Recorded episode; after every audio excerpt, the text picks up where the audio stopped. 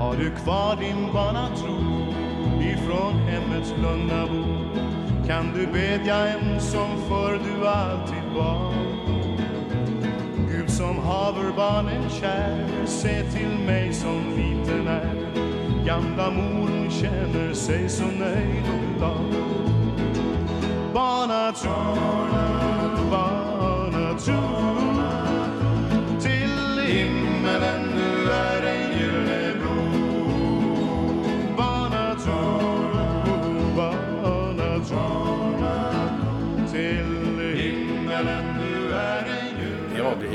tid för ett nytt avsnitt av Zenit-podden. Och eh, jag befinner mig idag i, vid Hedvig, Hedvig Eleonora kyrka. Och eh, gäst idag är ingen mindre än eh, prästen på Hedvig Eleonora kyrka, Olle Liljefors. Välkommen till Zenit-podden. Tack Zenit-podden, jätteroligt att vara här. Hur är läget annars?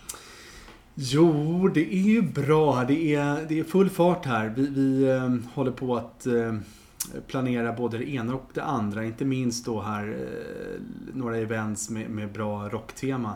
Så att det, det är mycket roligt på gång. Det ska du få prata en del om. Eh, eh, Jag tänkte att vi skulle börja med att, att du skulle bara få berätta lite om dig själv och vem, vem du är. Olle Liljefors alltså. Jag skulle gissa att du är runt 30. Ja, 35 till och med, men, men tack. Ja. Ja. Eh, eller 36 har jag ju fyllt till och med, så att, så att jag börjar bli gammal. Eh, har, har varit präst i, i 12 år nu och eh, jobb, jobbar som präst i Hedvig Eleonora församling som sagt. Eh, jag eh, hade ju kanske andra planer med mitt liv egentligen, men när jag var 16 år så, så spelade jag fotboll på ganska hög nivå och eh, blev, eh, blev sjuk. Blev väldigt sjuk. Fick en typ av lunginflammation som är väldigt ovanlig. Och jag var dessutom kraftig astmatiker. Så att jag, jag hamnade faktiskt på intensiven och låg där och eh, kämpade för mitt liv. Eh, 12 dagar ungefär eh, var jag där. Och ganska dramatiskt sådär. Jag minns hur mina klasskompisar eh, kom upp, mina gymnasiekompisar kom upp och och tog något slags avsked ifall det värsta skulle hända. Och jag minns att min, min mamma frågade läkaren sådär, Olle kommer väl klara sig? Och han tog henne ut ur rummet och så har jag fått höra efteråt att han sa att vi, vi vet inte hur det kommer gå faktiskt, utan det, det står och väger. Men det gick ju bra. Eh, jag sitter här idag.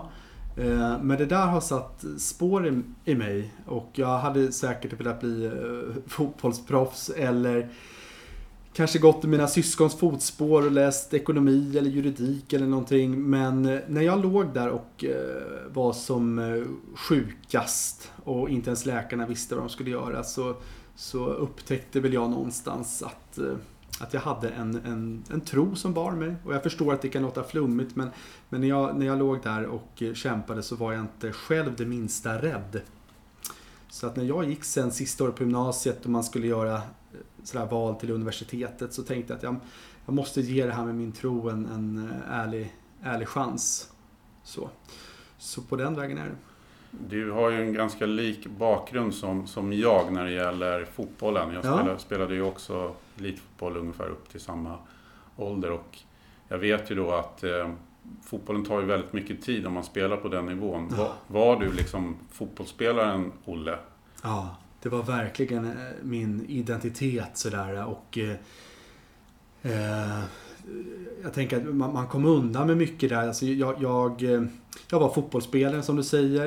Eh, det var min det, det, var, det var min identitet. Det var, det var så jag kunde... Jag, det, det, när man skulle begå alkoholdebut där i slutet av högstadiet, början på gymnasiet kanske någon gång. Så, så jag, jag slapp ju allt sånt där för att alla visste att ja, men Olle han satsar ju på sin fotbollskarriär. Liksom. Honom bjud inte honom på öl utan låt honom vara någonstans. Jag behövde aldrig vara cool eller spela ball eller någonting. Jag var ju fotbollsspelaren. Ehm, och eh, jag hade skolan och sen så efter skolan så var det fotboll som gällde. Men var det så pass bra att det liksom fanns en... Alltså alla drömmer ju någonstans kanske om att bli proffs om man spelar så pass mycket. Men var det så pass bra så att det verkligen var realistiskt? Nej, ja, det, det, är, väl, det är väl verkligen frågan. Nej, det hade säkert, det hade, hade inte varit sjukdomen nu så hade det säkert eh, visat sig att jag var för dålig. Men, men fram, fram tills jag var 15-16 då och, och, blev sjuk och sådär. Eh, så, så, så, var det väl en dröm. Sådär, så, som alla i, i laget tror jag. Det är svårt att veta vid den åldern också exakt. Ja. Man kan ju utvecklas på olika i, ja, en del är jättebra när de är 10 men inte alls lika bra när de sen är, vuxna, seniorer. Ja men så är det. Och sen tror jag att jag upptäckte också, det är många som gör det, upptäckte att det finns andra saker i livet också. Eh, allt ifrån eh, ja, tjejer inte minst såklart, men också andra sporter och inte minst att jag, jag började få ett ökat musikintresse under, under gymnasiet. Ja men det ska vi, det ska vi komma in på. Mm. Men det som du sa då att du, du var alltså du var så pass illa av den här lunginflammationen så att, så att kompisar nästan kom och, och tog adjö? Eller det, det var... Ja, det, så, så, upplevde jag det i alla fall. Och det var, det, det var riktigt illa. Eh, märkligt nog sådär när jag ser tillbaka på det i efterhand så kan jag faktiskt vara tacksam för den där episoden i mitt liv. Och som präst inte minst träffar jag många människor som eh, berättar liknande saker. Hur de har varit på livets absoluta botten, suttit fast i i missbruk eller de har gått in i väggen. Eh, de har förlorat någon som står dem nära. Och hur de där i efterhand, eh, jag ska inte säga att man är tacksam, men man har sett att det fick en mening i alla fall. Att det kanske inte hade någon mening, men, men det fick en mening i alla fall. Det, det, blev någonting vackert också ur det här trasiga. Men det, det är väl, är det inte, du som präst kanske har hört talas om sådana, just det här att det blir som ett, att slå ner som en blixt. Mm. Det här att man från ingenstans helt plötsligt, var det så i ditt fall att, att det bara kom helt plötsligt? Du sa att du kände dig inte rädd för att det var någonting som som höll dig uppe? Ja, jag har ju mina föräldrar att tacka för att jag, jag har ju en, en, liksom en barnatro som de gav mig. Vi bad aftonbön varje kväll. Det var inte så att vi gick i kyrkan varje söndag. Det var ingenting som de liksom pådyvlade oss på något sätt. Men däremot när livet krisade sig så, så kunde jag upptäcka hur, hur mycket min, min tro betydde för mig. Det var det som, som bar när allting annat brast. Mm. Men hur... Um Fick du men av lunginflammationen eller kunde du, blev du helt friskförklarad? Jag är helt friskförklarad och blev det. Däremot så gick jag ner, jag tror att jag gick ner 15 kilo eller någonting. Jag tappade all muskelmassa. Jag kunde inte träna på flera månader. Eh, så att den här fotbollskarriären var, den var bara att glömma. Eh, och eh, som sagt i efterhand så det gör mig inte så mycket utan jag tycker livet blev väldigt bra ändå. Trots det. Men, men de här proffsdrömmarna, de, de, de dog väl där någonstans. Men blev det så att musiken då tog en större plats i ditt liv efter att, när du var tvungen att sluta med fotbollen? Ja, men det blev så. Och det var inte kanske medvetet egentligen, men, men så blev det ju. Plötsligt hade jag jättemycket tid över. Ja. Och ett tag så jag började gamea och började spela tv-spel. Och det, det var väl kul ett tag, men, men någonting annat måste man göra. Och så började jag började spela gitarr eh, och tyckte det var roligt och, och, och började lyssna på musik på, på ett helt annat sätt. Du är ju lite yngre än vad jag är. Vilka mm. band var det då som liksom gällde främst? Alltså det här var i slutet på 90-talet och eh, jag jobbade på ett café då under gymnasiet på helgerna. Och så hade en kollega där som var lite äldre än vad jag var hon hade ett eh, kassettband, ett blandband som vi drog på sista 45 minuterna där i det här kaféet. Eh, när dagen led mot sitt slut. Och i slutet av det här blandbandet så låg eh, Guns N' Roses Don't Cry. Och eh, jag hade aldrig hört något, något liknande och tyvärr så, så klipptes den eh, mitt i. för det här blandbandet tog slut. Men jag gick där då sista, sista halvtimmen på jobbet så gick jag bara och spolade tillbaka bara för att få höra den här låten om och om igen.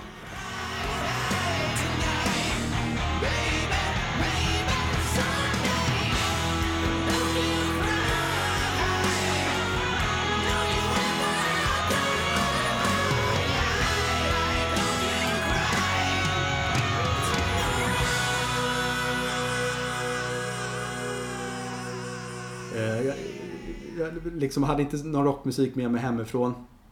Mina storebröder är lite för gamla. De hade lämnat boet redan. Eh, men där någonstans så, så, så upptäckte, jag, eh, upptäckte jag musik på riktigt. Jag hade faktiskt ett liknande ögonblick. Det var när jag var kanske 10 år så spelade min eh, stora syster piano. Så spelade hon Beethovens Månskenssonaten. Den här som alla säkert får göra i pianoskolan. Och det var också sån där så aha-upplevelse. Du, du sa den här blixt liksom. Det var Mm. verkligen en... Alltså att jag, jag kan komma ihåg tid och rum. Jag kommer ihåg var jag befann mig. Och hur jag liksom lyftes ur mig själv nästan. Och det är liksom... Det, det, det var en helt annan dimension som öppnade sig. Så det var så med Beethoven när jag var 10 och så var det så med Guns N' Roses när jag var 17 kanske. Ja. Så att jag, jag väntar nu på, på nästa sån här blixt. Men det har, inte, det har inte kommit några nu på ett tag.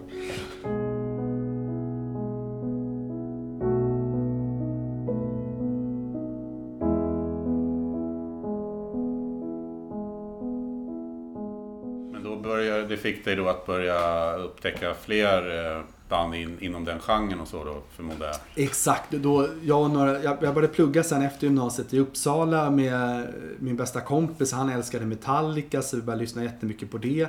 Vi startade band och de andra i bandet de lyssnade på Nirvana och eh, allt möjligt annat. Och eh, på den vägen är det. Ja. Då då blev jag mycket mer en, eh, en allätare så att säga. Mycket Iron Maiden och Motley Crue och, och så. Gamla klassiska band då inom hårdrocks... Ja, Ja, och jag tänkte ju att det här var ju då, ja men säg början av 2000-talet, att de, de borde ju ha varit ute då så att säga. Men det finns ju något tidlöst över det. Jag kommer ihåg när vi ibland var på fester i studentkorridoren i Uppsala och det man lyssnade på det var de här banden. Märkligt nog alltså. Det var Guns N' Roses, det var Appetite som låg och snurrade. Eller, eller någon gammal Metallica. Och jag kommer ihåg att jag hade ett konfaläger för några år sedan. Alltså 14-åringar som, de är väl födda liksom någon gång i början av 2000-talet. Och på det här konfalägret så, så deras, liksom lägets låt, kommer jag ihåg, eller skiva, det var just återigen Appetite for Destruction. Eh, alltså det är ju egentligen fenomenalt alltså. Det, alltså en skiva som gjordes 30 år tidigare. Och de går och lyssnar på det framför Håkan Hellström, Veronica Maggio, Avicii och så vidare. Jag säger inte att det alltid är så. Men det säger någonting om, om kraften i den här musiken.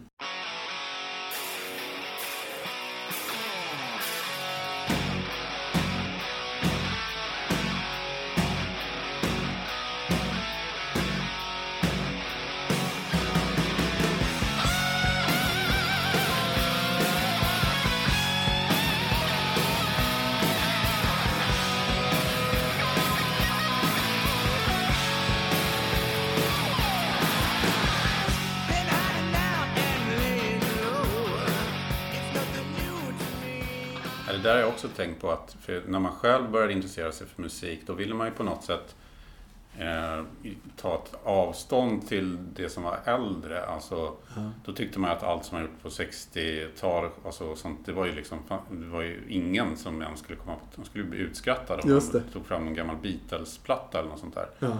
Men idag, kidsen verkar inte alls se det på det sättet. Utan Nej. de tycks att man börjar prata om gamla, tänker man så nu börjar jag prata om gamla mossiga, som de tycker är mossigt. Då blir de jätteintresserade och Ja. tycker coolt, och de här är jättebra, så har de hört det. Och, liksom, och då blir man lite förvånad. Och visst är det spännande att tänka vilken musik som produceras idag kommer att överleva Ja, tidens tand. ja, Eh, och Det ska bli intressant tycker jag. ja verkligen. Mm. Ja, men det är väldigt mycket eh, inom den hårdrocken 70-80-tal som på något sätt har hamnat i den här tids, tidslösa kapseln. Liksom. Ja, Och jag vet inte om det har med produktion till viss del att göra. Att, att det, det, är inte, det är ganska så analogt och eh, producerat på ett sådant sätt där, som är inte är så kopplat till trender eller just liksom, att mycket som kom senare. Jag tror att grungen får lite svårare ja det är möjligt.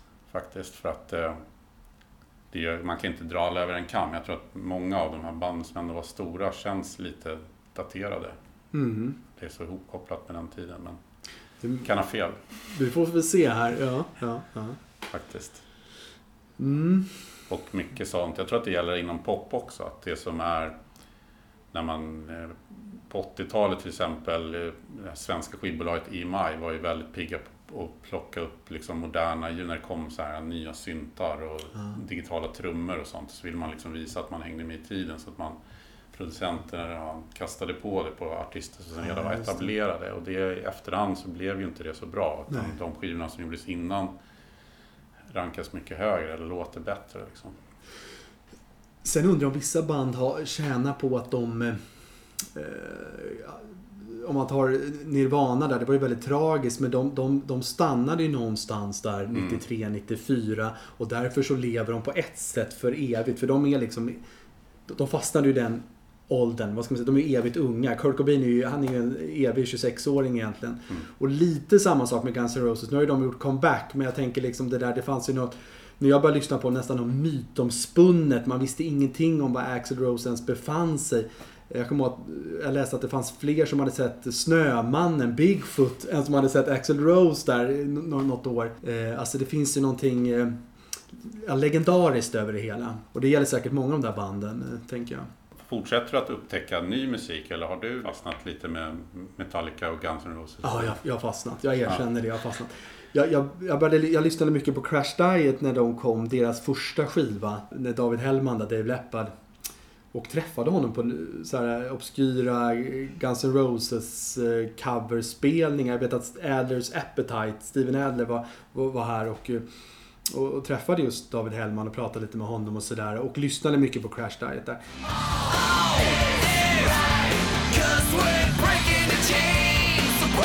Cause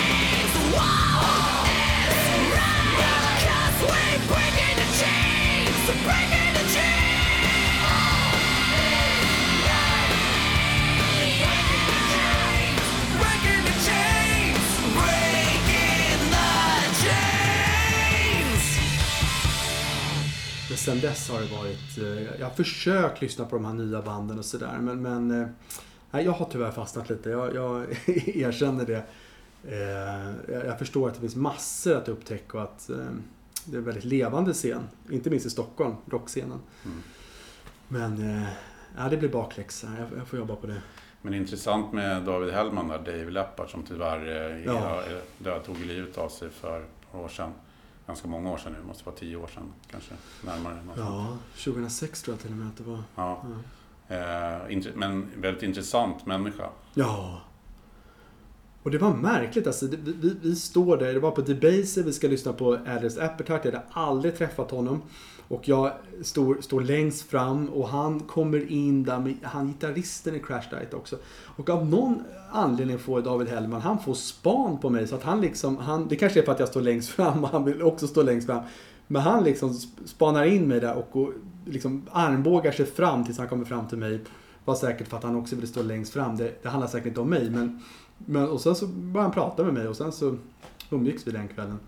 Sen, sen var det aldrig något mer men, men eh, jag- blev lite starstruck där för det var precis när de hade släppt sitt album och var lite i ropet sådär. En annan grej som är intressant ju är ju ditt arbete som, som präst där. Mm. Eh, har det, och din tro, har det på något sätt funnits någon konflikt mellan det och, och hårdrocken och de attribut som finns runt den musiken? Jag har blivit väldigt stöttad. Eh, Jag minns min allra första liksom, andakt, eller bön som man säger i kyrkan, så där, som jag skulle hålla. Och eh, då, då provade väl jag vingarna. Det var på min första praktik, som, som man gör prästpraktik då. Jag var 19 år tror jag och eh, jag ville väl se liksom, funkar det här? Så att jag, jag drog på, eh, i kyrkan då drog jag på Nothing Else Matters på högsta volym. Så där, bara för att se liksom, hur, hur folk reagerar. Och eh, det kanske var vissa som inte uppskattade det, det vet jag inte. Men jag minns att den prästen där då som var 20 år äldre än jag kom fram till mig efteråt och, och, och liksom tackade. Tack för Metallica, vad bra sådär. Och det där har betytt jättemycket för mig. Att sen dess har jag verkligen fått pröva vingarna och eh, upptäckt att det, det är väldigt högt i tak i kyrkan. Jag förstår att det inte är alla som uppskattar det här, men, men de, de allra flesta tror jag ändå. Och vi är ju en kyrka där vi på söndagar har en så här väldigt traditionell högmässa, det är klassisk musik och så vidare. Men så har vi då tagit fredagskvällen när kyrkan ändå skulle ha varit stängd och så öppnar vi upp den. Och så har vi de här då, eh, ja, olika musikteman, modern musik. som ja, Guns N' Roses, eh, Queen men också Avicii, Veronica Maggio och så vidare. Mm.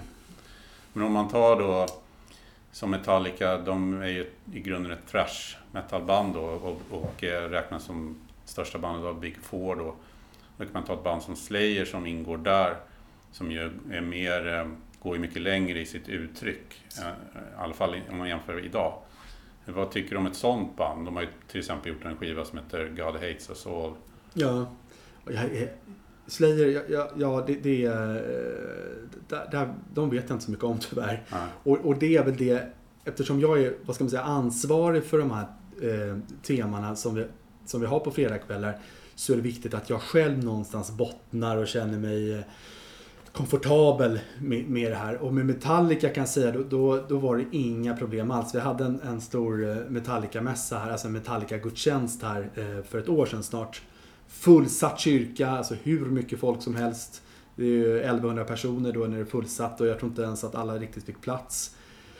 Och eh, blev en jättefin kväll. Men vi körde ju de här eh, For Whom the Bell Tolls. Eh, eh, ja, alla deras monsterhits egentligen. Men jag såg inga problem alls med att plocka in den musiken i, i kyrkan utan eh, Tänk att det är högt i tak i kyrkan. Den här musiken måste också få rymmas. De har skrivit mycket som jag ser om, om, om livets mörker och om, om livets baksida. Och eh, det är, det är precis det vi i kyrkan ska prata om. Om, om när livet är, svårt, om döden. I min predikan så tog jag upp det James Hetfields eh, uppväxt i ett eh, religiöst hem och hans mamma var ju svårt sjuk men hon fick inte ta medicin för att hon, hon hade en speciell typ av kristen tro och det är ju, alltså det är ju förfärligt. Eh, men också starkt när, när James själv berättar om det, vilket bränsle det gav honom, vilken ilska det väckte i honom och som sen utmynnande i den här fantastiska musiken. Att återigen ur det trasiga, ur det sjuka, ur, ur döden så kan det uppstå nytt och vackert liv. Mm. Det är ju det vi predikar i kyrkan. Jag menar, Jesus stod på korset, det är ju verkligen döden. Men hade, hade han inte dött så hade han inte heller kunnat uppstå. Det är Nej. så vi tänker i kyrkan. Saker måste få gå sönder för att något nytt ska få liv. Men, men eh, även om du inte har lyssnat så mycket, vad tycker du då inom, om eh, band inom hårdrocksgenren? Du har ju liksom hela death metal, black metal och... Ja. och eh, ja, men jag förstår att du kanske inte har lyssnat på det så mycket, men du har känner ju ändå till dem. Och precis, och jag tror att gränsen för vad som är okej att spela i kyrkan, det är så länge det inte är uttryckligen, vad ska man säga, mot eh, Gud eller mot någon annan människa. Och, och jag själv, det, in, inte för min egen skull, utan mer för att jag tänker att det kanske sitter människor i kyrkan som skulle bli väldigt provocerade om, om det är texter som, om, om man tar det liksom mot Gud just, eh, där, där de skulle känna att deras tro blev kränkt. Och det vill vi ju inte. Det ska ändå vara kvällar där man känner sig inkluderad och det, det, det, det ska vara det ska ju vara en fin stämning helt enkelt. Men din personliga eh, inställning till det, kan du förstå att det finns, att det har en stor publik? Om vi ser till black metal-band och sånt som... Jag tror så här att, att människan har ett behov av att få uttrycka alla sina känslor, tankar, begär. Och eh, det kan man se även inom den eh, kristna historien. Alltså några av de största kristna författarna, de har skrivit väldigt ibland väldigt, väldigt mörka texter där man också har ifrågasatt Gud, ifrågasatt eh, om det finns ett liv efter detta och så vidare. Allt måste liksom få, få rymmas och man måste få sätta ord på allt. Om man går tillbaka till, till vad, vad man sjöng för salmer, alltså vad man hade för musik i kyrkan på till exempel Jesu tid. Så, så finns det någonting som heter Saltaren, det är en av böckerna i Bibeln. Och det var, det var, det var egentligen sångtexter, det var det man sjöng i kyrkan. Och alltså, om man läser de här salta texterna, alltså vissa är ju, alltså de är ju förfärliga. Alltså de är ju så råa vissa eh, av texterna, vad, man vill göra med sina fienders barn och, och så vidare. De är bestialiska. Men man tyckte ändå att det här rymdes för 2000 år sedan. Det var okej liksom att alla människans, eh, hela människans känslor, register ska få, få finnas med. Eh, så att på ett sätt tror jag att vi i kyrkan idag är mycket mjäkigare egentligen. Vi, vi, vi snävar egentligen vad som får plats. Men, men jag landar nog i det att, att det, det, som, det som vi tar in i kyrkan, det måste någonstans ändå ske med, med stor ödmjukhet och stor respekt för, för alla som är där.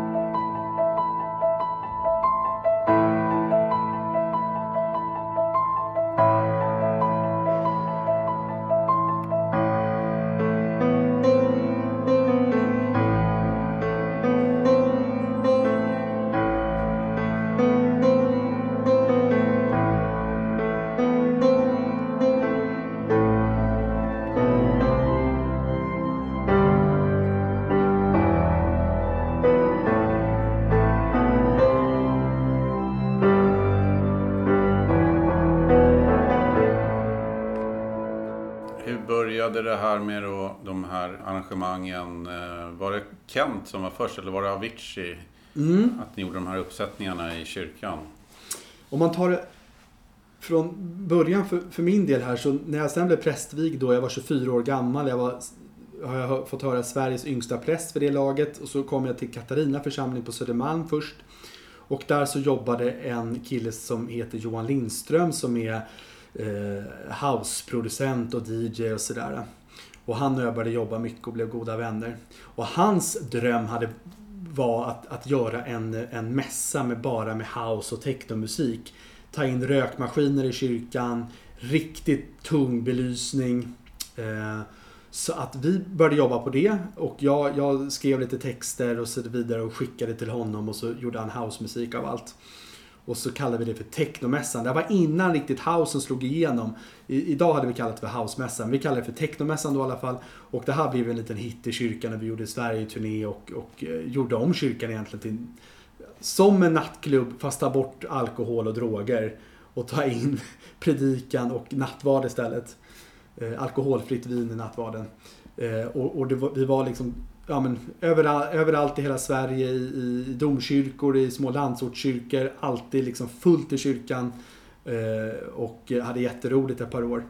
Och, och sen s- Ja, slutade... men, ursäkta, men jag måste bara fråga. Ja. Stö, stötte ni aldrig på patrull där? Jo, massor. Men, Ja. men det, där, där var vi eh, hur mycket som helst. Och det här blev ganska stort medialt, i alla fall med kyrkans mått mätt. Och vi hade internationell media som skrev om oss. Jag tror att över hundra länder världen över så skrev man om det här Technomass. Och framförallt i USA blev det stort. Och tydligen där så, jag har fått se det själv då hur, hur vissa pastorer där i bibelbältet, de, de, de gick ut och eh, sa att eh, liksom Technomass och eh, and their pastor då, Olle, eh, kommer burn in hell. Och det var väldigt, väldigt så här magstarkt. Inte så mycket kristen kärlek där inte. Men, men, men också ganska mycket roliga saker. Så här, lite så dråpligt. Det var någon som skrev ett så här jätteargt att, att Jesus lyssnade bara på Bach. Och ju så, ja men liksom, Bach, Bach levde kanske inte på Jesu tid. Och, och någon annan skrev på YouTube på någon video vi hade lagt ut sådär att Jesus vänder sig i sin grav. Och då, ja, som kristen blir det roligt för Jesus har ju uppstått, han är ju inte i graven längre. Ja, Ja. Sådär. Så, att, så att vi kunde skratta åt mycket. Men det var också lite läskigt att, att, att eh, från en dag till en annan när vi släppte det här att, att vakna upp och få en rejäl käftsmäll där man öppnar upp mejlen eller kollar YouTube och, och det här näthatet som finns. Men det, det överskuggades av att desto fler tyckte det här var toppen. Och, Ja. och, och jag fick jättemycket stöd från kyrkan och till och med biskoparna tyckte att det här var roligt och bra och så vidare. Så att, så att det, det, den goda sidan vann, om, om man får säga så. Men det var, väldigt, det var en väldigt rolig tid och det är väl enda gången kanske i mitt liv som jag känner mig lite som ett sådär nystartat rockband. Och vi hade ingen vi fick inte riktigt göra det här i vår tjänst för att vår chef var men vad är det här liksom techno, vad är det här, ska, ska vi hålla på med det här? Så vi fick liksom göra på vår fritid, så vi hade ingen budget, så vi lånade min mammas bil och hyrde utrustningen själva och vi gjorde allt själva egentligen. Sådär, och eh, åkte runt där och hade någon gammal turnébuss från 80-talet när vi åkte runt i Sverige. Utan säkerhetsbälten, det var ju livsfarligt egentligen. Men, men sen så... Ja, saker och ting ordnade sig på något sätt sådär. Ja. Men vi fick leva lite, lite ro- rockliv eh, ett par år. Eh, det var jätteroligt. Men sen slutade jag i Katarina, jag, jag i Katarina församling och, och jag blev eh, på ganska kort tid eh, tvåbarnspappa. Nu är jag till och med trebarnspappa. Och så började då i Hedvig Eleonora församling på Östermalm. Som traditionellt sett har varit den kanske mest konservativa församlingen i hela Stockholm. Eh, Men vad, vad har det berott på? Är det, är det att den, den ligger här eller på Östermalm? Kan, kanske att den ligger här men också att de som tidigare jobbat här har värnat eh, den, den riktigt konservativa traditionen. Alltså Ja. man har varit emot kvinnliga präster och, och så vidare. Sånt som skrämmer bort många säkert från den. Jag skulle tro det. Men så fick man en ny chef här då för 12, 13, 14 år sedan någonting som, som verkligen påbörjade ett fantastiskt förnyelsearbete. Eh, och eh, han då, Sven, eh, han anställde mig sen säkert som ett led av detta att, att på något sätt försöka kanske tänka nytt och förnya och reformera. Så att då- började jag fundera på men vad kan man göra här då? Och vi kunde inte köra rökmaskiner här för det är så mycket gammalt. Vi får inte stänga av brandlarmet riktigt. Så det här Det är technomässan ändå, det är släppte- ändå nu avbröt jag dig igen där, men det är ganska kul att höra så att du kommit som präst till en ny kyrka och en av dina första tankar kretsar kring rökmaskin. Liksom. Det, det säger ju lite. Jo, men exakt. Jo, men jag, jag vet. Jag, ja, jag tycker det där är roligt. Jag tänker Martin Luther där, han som, alltså den stora lutherska reformatorn på, på 1500-talet. Han sa det. Han lär ha sagt att varför ska djävulen ha tillgång till de bästa låtarna? Eller ensam rätt på de bästa låtarna. Och jag kan hålla med om det. Och det Martin Luther gjorde, det blir en parentes, men han tog ju in folkmusik. Alltså han, han tog snapsvisor och, och, och sådana här låtar som man kunde ly- lyssna på kring lägerelden. Och så satte han kristen text på det och sen lyfte han in det i kyrkan. Och så sjöng alla det. Och alla kände igen melodierna för det var samma melodi som till snapsvisan. Så att äh, det fanns en igenkänning. Och det är precis det vi håller på med. Att vi plockar in sån musik som folk hör på radion eller lyssnar på eh, hemma i hörlurarna. Och så stoppar vi in den i kyrkan så att det finns en igenkänning. Men vi gör det på vårt sätt.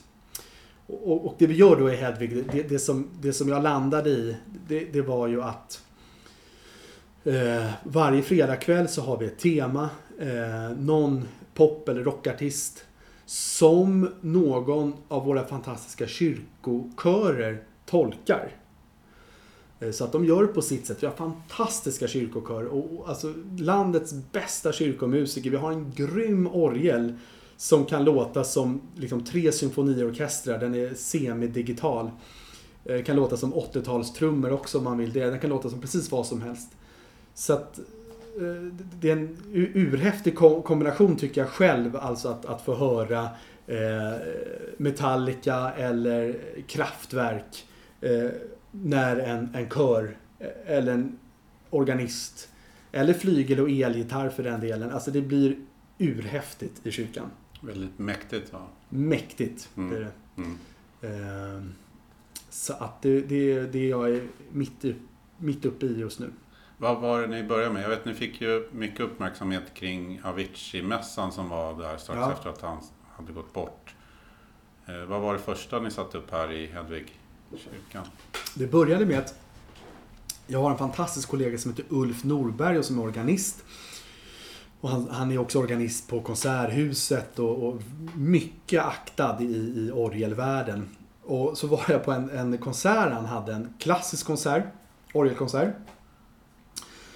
Eh, några år sedan nu. Och så mitt i- orgelkonserten så väver han in Abbas låt eh, eh, Lay All You Love On Me. Tror jag att det var. Eh, och då, då plötsligt när han, alltså, och det var, och han gör det liksom helt magiskt. Han, han sitter där på orgeln och spelar sig svettig.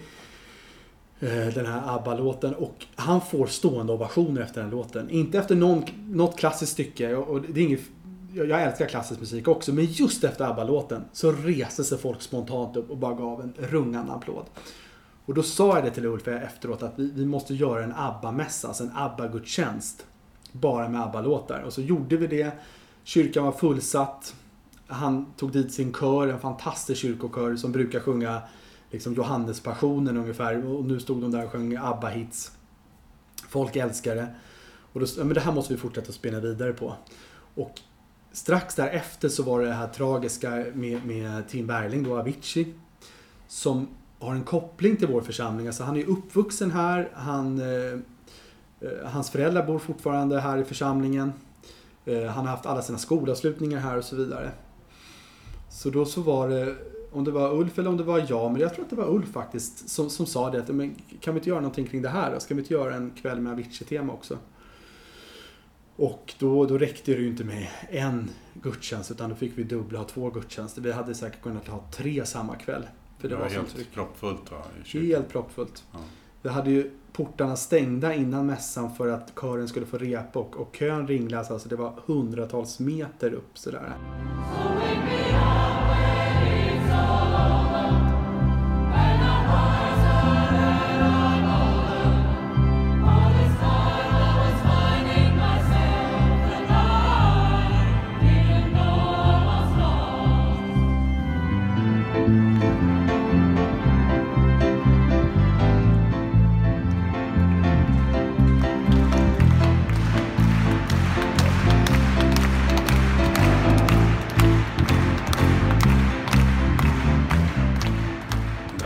man ju, kan man ju känna att det verkligen fyller en funktion. Att människor fick ett sätt att samlas kring det här. Absolut. Det var det många uttryckte också.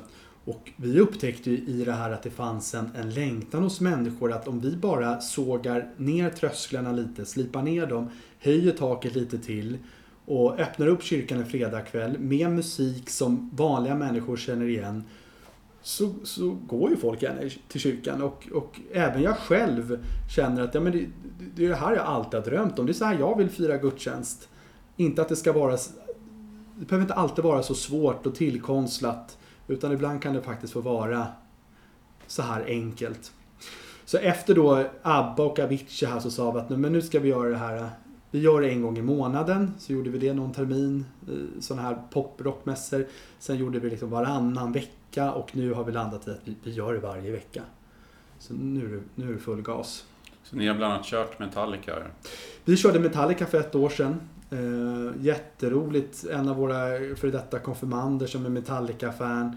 Som spelar gitarr och piano. Så hade vi orgel och, och eh, flygel och några solister och sådär. Och vi planerar faktiskt för en, en till Metallica-mässa om ett år. Men då med, med full symfoniorkester. Vi, ska vi sikta på det till april nästa år. Hur låter det in i en kyrka? Ja men trummor låter ju, låter ju inte all, det låter ju kast. Och, och till viss del även bas ibland. Men däremot alltså eh, orkestrar, orgel, elgitarr låter hur snyggt som helst. Det är det här bas och dova som man får problem med, mull, mullrande Vi har, vi har ju 30 meter hög kupol. Det är Ja. som- ett litet, eh, ja men Globen i miniatyr. Alltså det blir väldigt svårt och bara de här stenväggarna, det studsar väldigt mycket. Så när, man, när vi gör det här så, vi, det, det är inga coverband utan det, vi får göra det sakralt. Vi får göra det på kyrkans sätt. Det, det är då det låter bra. Med sång också? Eller är det olika? Absolut, kören eh, sjunger ju och ibland har vi också solister. Men, men det är alltid, alltid sång också. Vi har med texterna. Det måste vara ganska häftigt för dig då som är uppväxt med Metallica när ni körde i kyrkan och liksom, du har ju egentligen skapat va, hela situationen. Det var urhäftigt. Och jag tror att det var ännu häftigare för, för Theodor som är då den gamla konfirmanden, Metallica-fan och det var han som kom med just Metallica-idén. Och jag hoppade ju på direkt, ja men nu kör vi och stöttade honom med det. Men för honom där 15 år gammal, 16 kanske, och stå där i en fullsatt kyrka, han... han Ja, det går ända in, vad sa du, 1200? Eller? ja, 1100 ungefär. Ja.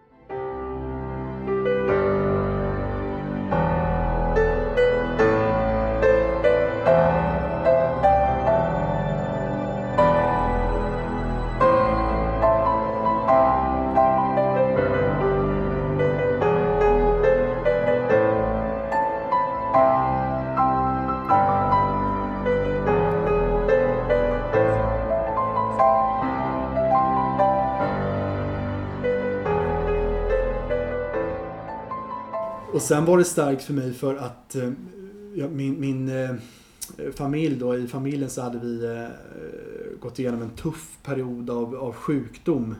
Eh, hade precis tagit igenom oss det. Eh, och det fanns mycket ilska i mig. Vår lilla småbarnsfamilj där, jag, min fru och våra småbarn. Eh, hur orättvist livet kan vara. Sen slutade det ju väl, men, men, men det var en väldigt tuff sjukdomsperiod. Och under den perioden så återupptäckte jag Metallica. Alltså jag behövde det- här lite glättiga, poppiga, det, det bet inte när livet var som mörkast. Utan där, där var det Metallica som gällde. Eh, så fort barnen hade somnat och jag, jag hade gjort vad jag kunnat för dagen och, och föll ihop på, på soffan på, på kvällarna så, så satte jag på mig hörlurarna och eh, drog igång Metallica på högsta. Det var, det var min terapi, det var det som, som hjälpte där. Och, och någon som, som skriker ut eh, all vrede och all ångest och sorg och allt som finns i det där. Så för mig blev det känslosamt. Extra känslosamt den kvällen också med, med den här musiken. Och jag, det var också det jag predikade kring. Eh, Sen kan jag tänka mig musikaliskt också, vilket såklart även gäller eh, Aviciis musik också, och Maggio och allt sånt där. Att man kan ju upptäcka mycket mer av musiken när den kommer i ett sånt här sammanhang. Det är många som säger det. Det blir lite som det här Så mycket bättre, det här programmet fast i kyrkan. Och i kyrkan så får det en annan eh, efterklang. Det sjunker in på ett annat sätt, orden. Eh, Så är det. Och även i arrangemangen att man en snabb thrash metal Ja. i ett annat sammanhang så kan man kanske upptäcka att vad, hur mycket som finns ändå i de här Absolut. verken. Absolut. Vi, eh, Ulf, eh, organisten, när han fastnade, hans favorit blev det här Un- Until It Sleeps med Metallica och han gjorde den på orgeln. Alltså det, det, det är så mäktigt så att man, man orkar inte. Eh, Så himla snyggt. Och så en elgitarr som kom in på slutet och gjorde solot. Ja, det, det, det är gåshud. Och nu är det bland annat det närmsta här är den 13 mars, ganska snart, eh, Queen. Yes! Fredag klockan åtta. Mm. Och det är alltid fri entré, eller hur? Ja. Men behöver man vara lite i god tid för att vara säker? Ja, framförallt när det är de här gamla giganterna som Queen till exempel. Då, då, då är det så. Vi får väl se om, om eh, Corona kanske eh, smittar, höll jag på det, kanske stoppar en och annan, det, det vet vi inte. Men, men eh, som det ser ut, vår prognos är, om man kollar på eventer på Facebook, så det är att det kommer bli en, en eh, överfull kyrka. Så, att, så att det finns väl en risk, tyvärr, att alla inte får plats. Men det är jätteroligt att intresset är så stort.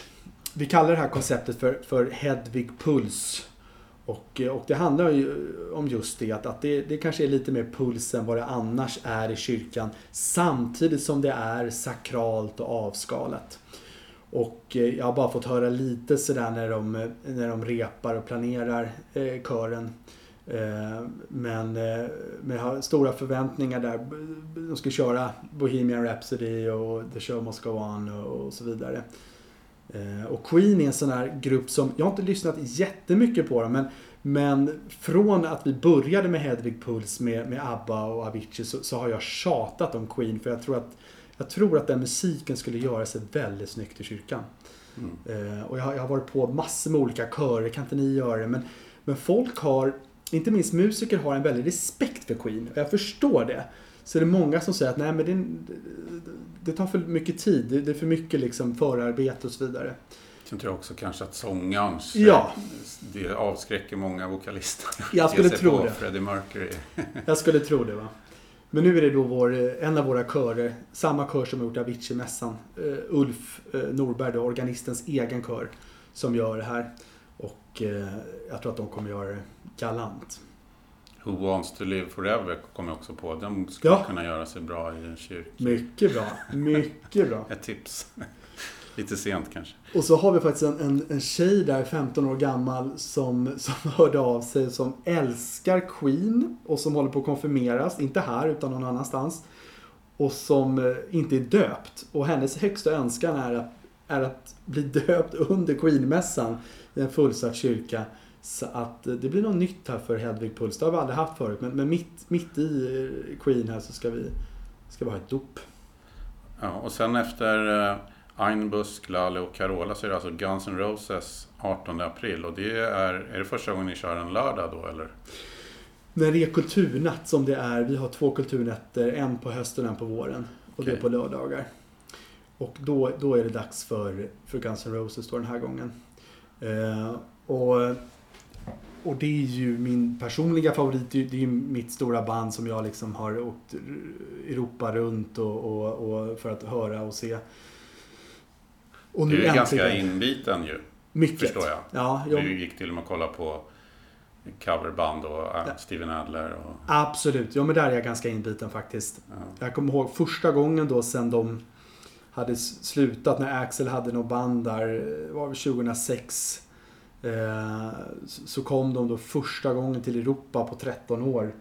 Till Dublin skulle de komma och jag var uppe på morgonen, fixade biljetter och sen skulle jag fixa hotell också. Men då var det helt slutsålt. För det var någon festival i Dublin samtidigt så det fanns inte ett hotellrum. Så att jag åkte dit på vinst och förlust och var beredd att sova i parker och så vidare. Eh, bara, för att få, få se dem. Eh, och det löste sig genom någon kompis, kompis, kompis. Jag kunde sova på någon soffa. Men, men de här, det här är ett band som, som har följt med mig de senaste 20 åren i alla fall. Och nu är det dags. Eh, och eh, jag är jättenöjd över de som gör den här också. Det är, det är bland annat Ulf då, den här otroligt duktiga organisten. Eh, vi kommer ha med också en av landets absolut bästa körer som heter One Voice. Sådär superrutinerade. Eh, så att jag, jag, får, jag får lite gåshud bara jag tänker på det. Ulf spelade November Rain på någon eh, vigsel här. Eh, det var faktiskt min gamla kompis som jag startade band med. Han ville ha November Rain då, och då gjorde Ulf det på orgeln. Och eh, ja, det, det är oerhört snyggt. Ja, det finns väl en del eh, från... Om man ser till Guns, hur de lät där. Om man ser på Appetite som är liksom lite mer skitigare och lite mer Mm. distad och så. Eh, där kanske man får att, ja, jobba lite mer. Kan, eventuellt. Jag har ju sagt att de måste göra Welcome to the Jungle också. Men, men kanske att man, man gör den på orgel då. Liksom. Just den blir det kanske inte sång på. Ja, Ja. Men det finns väl Sweet Child of Mine och, visst. och någon mer kanske därifrån. Absolut. Eh, Paradise City är väl bra för kör. Och, ja, där måste man ha med också. Absolut. Men sen är det kul såklart med de här lite mer eh, svulstiga. Ja. svulstiga just. Man får väl ta November Rain och... Eh, Estranged. och ja, det hade varit... Live and Let Die kanske. Ja, varför inte? Även om det är en cover. Så. Absolut. Och, ja. Knocking on Heaven's Door kommer säkert i någon tappning. ja, just det. Det kan man ju tänka sig passar bra i en kör sådär om man har. Exakt. Och vi brukar alltid avsluta sista låten på de här Hedvig Puls-kvällarna brukar vara en allsång och då känns ju Knockin' on Heaven's Door ganska klockren. Och det är rätt häftigt då när 1100 pers i kyrkan står upp och, och så sj- sjunger vi det här sista tillsammans. Ja. Eh,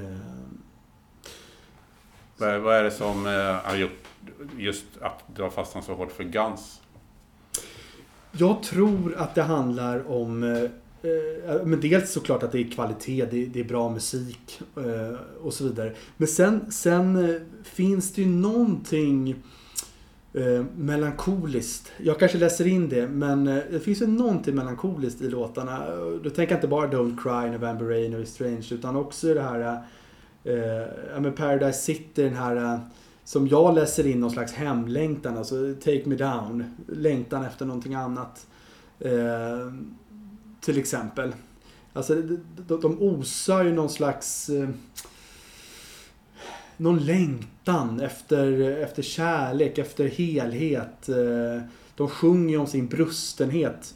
Appetite där, jag vet att det, det är många av låtarna med med innehåll som, som kanske inte passar sig i en kyrka. Men jag vill ändå försvara låtarna så tillvida att, att det handlar, de, de, de, de, de handlar ju om det som de står i. Alltså det, det är så, det är så opolerat, det, det- är så äkta, det är så rått och det, det är livet självt någonstans. Eh, och och jag, det är säkert, det finns, men jag tänker den här glamscen, glamrockscenen att Ibland kanske det nästan är, det blir eh, lite väl, vad ska man säga, inte ytliga texter men, men att man faller in i någon slags eh, mall för hur det ska låta och vad man ska sjunga om. Men det jag upplever med Appetite och det, det som kanske är deras genomslagskraft det är att det, är- det är så brutalt ärligt. Det är så opolerat. Eh, att jag blir, blir helt knockad av det. Och rätt kul också att de kom ju i en tid när det här som du beskrev innan med att det var väldigt tillrättalagt och ja, polerat och det, man, det kändes som att det var väldigt mycket efter vad som sålde Ja. som gjordes inom hårdrocken där under ett tag och eh, så kom de och det känns som att just den här inställningen som många kanske vill ha att vi skiter i allt, vi bryr oss inte, Nej. vi gör bara det vi vill. Men Ja. den, de lyckas ju framstå som att det stämmer i deras fall. Verkligen. Och, och, och som präst kan jag se, jag kan se en koppling till en annan rörelse. Det, alltså det vill säga de första lärjungarna för 2000 år sedan som också trodde på det de gjorde. Som lämnade allt. Som också begav sig ut på en slags turné. Eh, liksom fattiga, skitiga. Men de gjorde det de trodde på. Alltså snacka om rebeller. Alltså, så. Och det är precis det Guns N' Roses också gör. Och många andra musiker och artister såklart. Alltså man, man vågar satsa allt på det man tror på. Och det är ju fascinerande. Alltså det slutar ju inte att fascinera folk. Människor som, som vågar, vågar satsa på sina drömmar. Vad, vad tycker du att man kan förvänta sig om man går hit då? Långa köer. Nej. Men vi, vi, har ju, vi har ju fritt inträde och det är ingen åldersgräns. Och eh, portarna öppnar en halvtimme innan och då, då brukar vi fylla upp kyrkan ganska fort. Så, men det är kanske är bra att vara här lite innan. Men när man väl är på plats och, och sitter där i kyrkan så, så vågar jag utlova en, en hög musikalisk upplevelse. Det är inga amatörmusiker det här utan det här är våra kyrkomusiker är ju, de är ju proffs. De jobbar med det här eh, som heltidsarbete. Otroligt duktiga. Eh, likadant med våra körer. Eh, så, så musikaliskt eh, fulländat hoppas jag. Men sen också att det är någonting annat. Om du gillar de här banden och, och, och så tror jag att du kan bli glatt överraskad. Vi försöker absolut inte att låta som originalet. Det kan vi inte. Men vi gör det på, på kyrkans sätt. Och det kan bli väldigt häftigt. Eh, Det, det låter ju nästan som att ni snart behöver flytta till större eh, arenor. Ja, ja, vi får väl se. Vår lösning är ju att vi, när det är för, för mycket folk så, så dubblar vi, så kör vi, kör vi dubbelt upp istället. Eh, men, men vi får väl se. Det här är ju faktiskt en av Stockholms största kyrkor redan, så att jag vet inte vad vi skulle vara då. Vi har pratat om att vara utomhus också ibland och sådär, men eh, eller kanske ha så här bildskärmar utanför kyrkan har vi pratat om, så man kan stå utanför och ändå, ändå ta del av det. Eh, men vi har också, när man kommer in i kyrkan samma kväll då så har vi, brukar jag eller min kollega, vi brukar stå i full prästmundering då och, och vara DJ innan så man spelar lite sjömusik. Eh, Och vi lyser upp kyrkan ganska vackert med lite andra färger än- än vad man är van vid. Så att jag, jag, tror att det är en ganska häftig upplevelse för, för, för själen. Ehm, och, eh, mitt i allt, mitt i musiken så stänger vi av allt och så går vi in i en liten, liten stund av tystnad, bara någon minut eller två. Eh, och släcker ner hela kyrkan, bara levande ljus. Eh, och det- är ofta det som många efteråt också lyfter fram. Vad fint det var med den här tystnaden. Så att, ja, det, det, är helt klart en annorlunda upplevelse och det är svårt att förklara utan man, man måste nog uppleva det på plats. Men du pratar också under mässan. Mm, jag håller en kort predikan. Jag lovar att det inte blir allt för långrandig och jag, jag kopplar det till kvällens tema. Eh, sådär, så att det finns en koppling. Det är inte bara att jag står och maler utan, utan jag försöker faktiskt försöker vara relevant och att även de som inte är vana i kyrkan ska kunna förstå lite vad som händer och, och känna igen sig. Då, då, då blir det nästan svårt att välja ut för du har väl rätt mycket att prata om när det gäller Guns. Alltså Gans-predikan är redan skriven ska jag säga. Så det, den, den skrev jag redan i höstas när jag blev klar. Nej, det finns så mycket att berätta och prata om. Och, ja, precis. Jag får verkligen begränsa mig.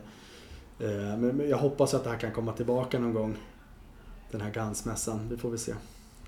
Okej, jag önskar dig all lycka till. Yes! Och eh, stort tack Olle att du vill vara med i Zenit-podden. Det var jättekul att ha dig med. Ja, men kul att vara här. Tack själv.